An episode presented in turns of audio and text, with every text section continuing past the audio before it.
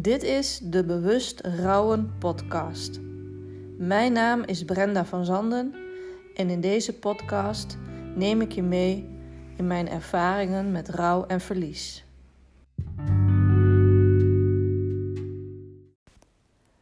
Welkom bij deze nieuwe aflevering van mijn Bewust Rouwen podcast. Leuk dat je weer luistert. Um, ik zat zo naar de datum te kijken.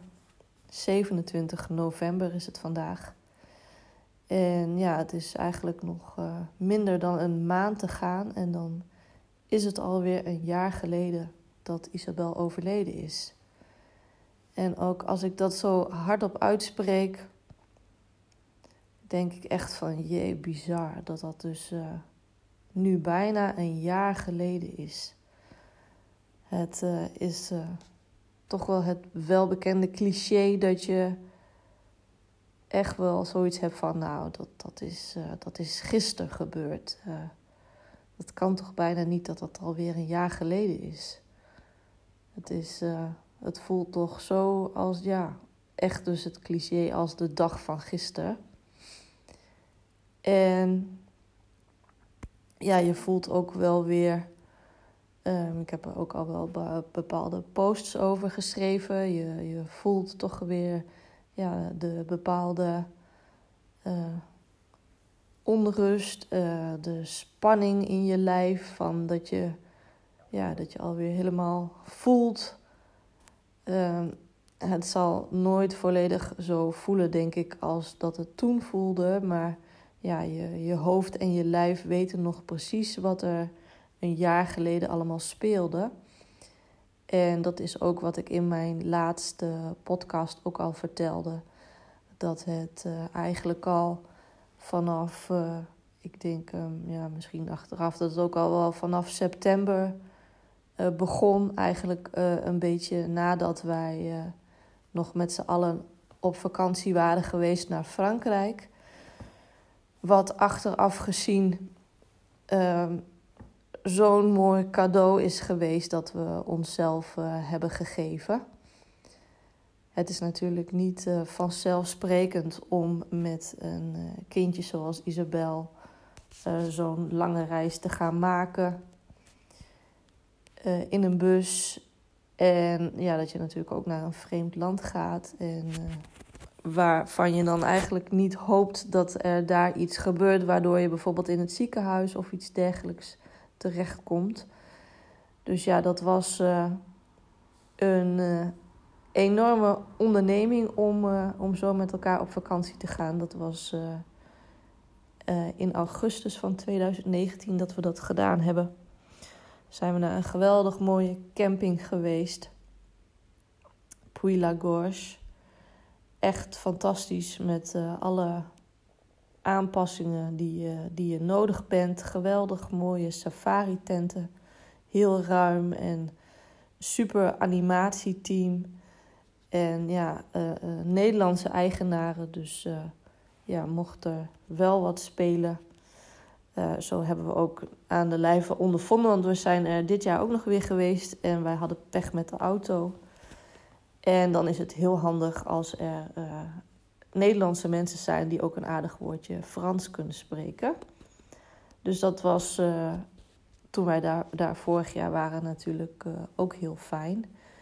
En uh, ja, wat ik net al zei, dat was natuurlijk zo'n enorm cadeau. En niet om, ja, wij wisten natuurlijk niet dat Isabel datzelfde jaar nog zou komen te overlijden. Maar we hebben daar natuurlijk wel heel erg over getwijfeld van, ja, moeten we dat doen? Willen we dat doen? We hebben echt wel hele discussies erover gevoerd. En ja, dat, dat mensen uit je omgeving het, het denk ik ook wel, wel erg afraden. Maar ja, achteraf gezien, ja, was dat. We zijn eigenlijk bijna nooit uh, met z'n allen op vakantie geweest. Dus dat uh, maakte het wel extra bijzonder. En ja, ik moet zeggen dat Isabel daar uh, wij zaten daar eind augustus, half augustus. De nachten waren daar bijvoorbeeld wel heel erg koud. Dat was voor Isabel uh, soms niet zo heel fijn.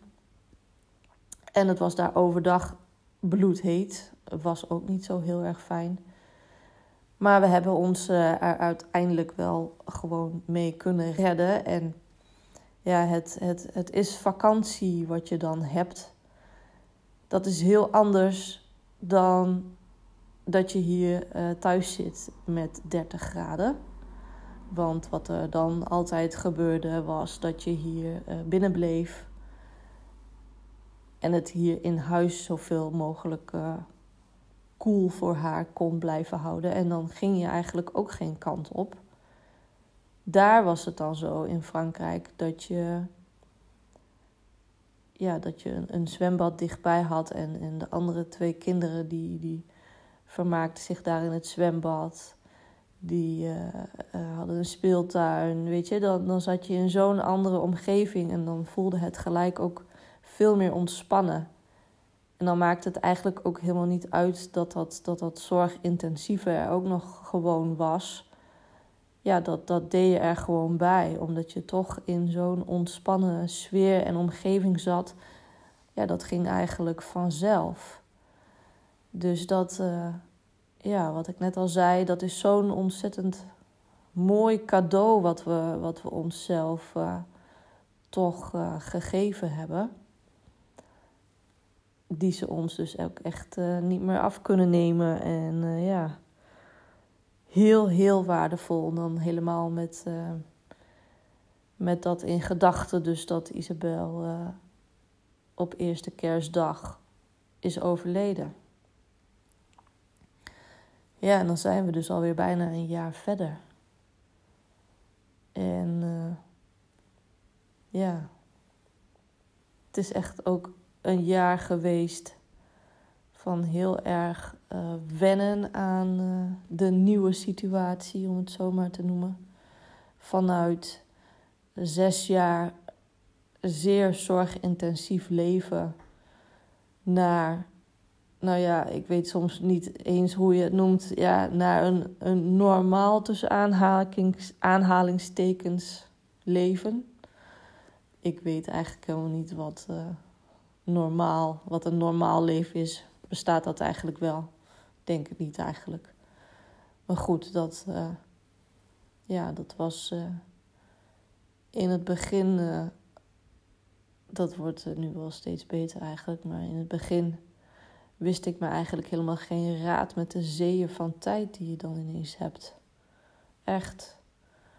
Ik heb toen echt nooit beseft hoeveel uren, minuten er eigenlijk in een dag zitten het voelde echt, ja, dat is ook wel, wel waar je toch ook wel over leest, dat je met, uh, als je kind komt te overlijden, eigenlijk letterlijk en figuurlijk met lege handen komt te staan. En zo voelde het ook, ook heel erg aan het begin. Ik weet nog dat ik, uh, we hebben dan een, uh, een keuken met een kookeiland waar je omheen kan lopen. En dat ik mezelf erop betrapte dat ik rondjes aan het lopen was om het keukenblok heen. Gewoon omdat ik me echt geen raad wist met, met de tijd die daar was. Uh, de tijd uh, die ik dus heel veel besteedde. Uh, ook aan, aan Isabel. En ook, ik denk ook dat het een heel stuk is. We hadden natuurlijk ook wel veel zorg die we uit handen gaven voor haar. Maar het is ook de, ja, de, de, de onrust, toch, de spanning die wegvalt. Het niet meer altijd alert hoeven zijn wat ineens wegvalt. Maar waarvan mijn uh, lichaam en geest uh, ja, dat, uh, dat dus nog totaal niet konden plaatsen. Dus dat ik daar echt rondjes om het keukenblok aan het lopen was. Omdat ik voor mijn gevoel iets moest doen. Maar ik wist eigenlijk niet goed wat. Dus ja, dat vond ik wel, uh, wel uh, ja, bizar om mee te maken. En dan is, ja, dat is ook wel echt het moment. Ik heb er ook wel vaak over, over geschreven al eerder. dat mijn lichaam gewoon ook echt niet meer wist hoe het moest ontspannen. Ik heb echt wel uh, momenten ook gehad. Dan uh, lag ik op de bank. Johan, die, mijn man, zei dan van... Oh, wat lig je lekker ontspannen erbij. En toen zei ik van... Ja, maar dan moet je mijn, moet je mijn hartslag eens voelen. Dus dan lag ik op de bank, maar dan ging mijn hart echt nog in een volle, volle snelheid. Van uh, ja, altijd maar dat alert geweest te zijn en altijd aan hebben gestaan. Dat mijn lichaam dat ook gewoon dacht van nou, als ik uh, op de bank ga liggen, dan moet ik dat nog steeds doen. Ja, en uh, ik zal de komende dagen wil ik ook nog wel meer gaan delen over Isabel haar laatste dagen en over haar uh, sterven. Het is uh, gelukkig zo dat ik daar heel goed over kan spreken. En het is ook helemaal niet zo dat ik optie, zeg maar, tegen de de dagen die nu komen gaan. Ik voel natuurlijk wel aan alle kanten gewoon uh, ja, het, het verdriet en de pijn die er toen was. En, en die is er nu ook gewoon nog steeds. Dat, uh, ja, is ook weer iets waar ik ook al veel vaker wel over geschreven heb. Dat, dat alles er gewoon is. En er is ook gewoon een heel groot stuk dankbaarheid en nog een heel groot stuk rust en heel veel liefde. Die ik ook gewoon voel als ik terugdenk aan de dagen voor haar overlijden. En uh, toen ze overleden is en de dagen erna. Dat zijn voor ons zulke. Ja, als ik het dan uitspreek, denk ik vaak de mensen begrijpen dat misschien wel helemaal niet ik, ik kan het ook gewoon mooie dagen noemen. Het, uh, het klopte allemaal. En nogmaals, dat klinkt misschien wel heel gek als ik het over het overlijden heb van een kind. Maar voor ons, ook dat heb ik al in een, in een vorige aflevering ook al wel eens aangegeven. Voor ons en voor haar voelde het uh, zo. Uh, ja, rond. Dat het zo voelde dat, dat het moment daar was. Uh, ja, dat voelde gewoon zo sterk. Er hoefde niet meer gevochten te worden. Dat is wel wat, wat er heel duidelijk voelbaar was.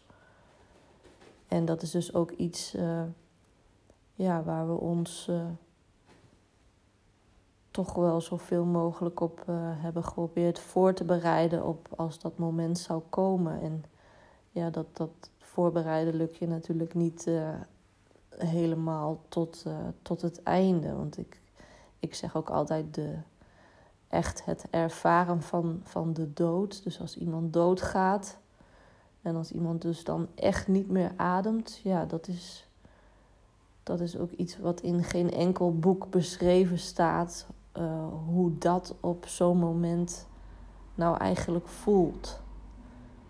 Dat, uh, ja, dat staat gewoon nergens beschreven. En, en ja, dat is, blijft toch, ondanks wat ik al zei, het was voor ons een hele uh, mooie, rustige tijd.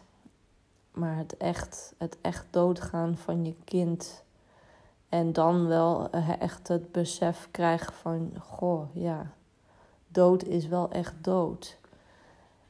En dat is vooral ook iets wat in de weken, maanden en nu dus bijna een jaar wel steeds meer uh, naar voren komt. Van dood is echt dood. En dat, uh, ja, dat, dat, dat is wel een, een heel een heel hard iets, vind ik. Dus dat je, ja, dat, dat fysieke, hè, dat fysieke is gewoon wat je, wat je heel erg mist. Ehm, dat je je kind dus niet meer aan kan raken, niet meer knuffelen. Geen kusjes geven. Ja, gewoon niet. Ja, echt dat, dat fysieke stuk. Dat is, dat is echt gewoon het, het, het ja, kutste wat er is. Laat ik het zo zomaar omschrijven.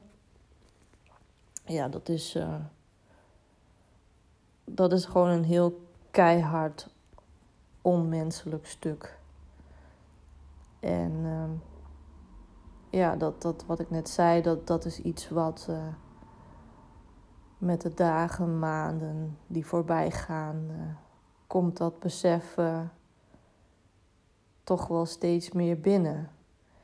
En ik denk ook wel dat dat zo is, wat ook wel, wel vaker gezegd wordt, dat het met, met de jaren die voorbij gaan uh, misschien ook wel steeds meer gaat worden. En niet dat je dan helemaal dan juist ten onder gaat van verdriet, zo wil ik het dan ook niet zien. Maar wel steeds meer en meer dat besef.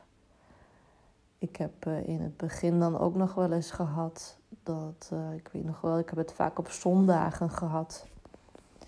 Isabel die logeerde om de week uh, in Meppel. En dan ging ze, vrijdag ging ze dan weg. En dan haalden we haar zondag weer op. En ik heb heel vaak op zondagen ook gehad van, oh, dat ik tegen mijn man wilde zeggen van, goh, haal jij haar op of haal ik haar op? Of uh, dat je nog hoopt dat ze dan ineens weer werd thuisgebracht. Dan voelde het soms alsof ze nog uit logeren was. Een niezende hond tussendoor. Dus dat echt, echte besef van ja, ja, dood is echt dood en ze komt nooit meer terug. Dat is gewoon iets wat, wat moeilijk is. En dat, uh, ja, dat zal ook gewoon altijd zo blijven. En uh, ja, nu zit ik al wel weer een stukje daarover te vertellen. En dat is ook goed hoor, dat ik het doe. En ja, ik vertel graag ook meer over uh, de dagen voor haar overlijden en na haar overlijden. Omdat dat voor ons hele dierbare en kostbare dagen zijn geweest. En ja, ik het ook graag met jullie wil delen. Dus dan sluit ik deze aflevering af. En dan horen jullie mij weer een volgende keer. Bedankt voor het luisteren.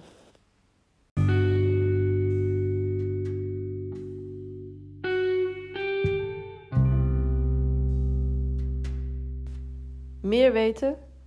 Kijk op www.boostyourlight.nl of volg me op Instagram Brenda Boost Your Light of Facebook Boost Your Light Brenda.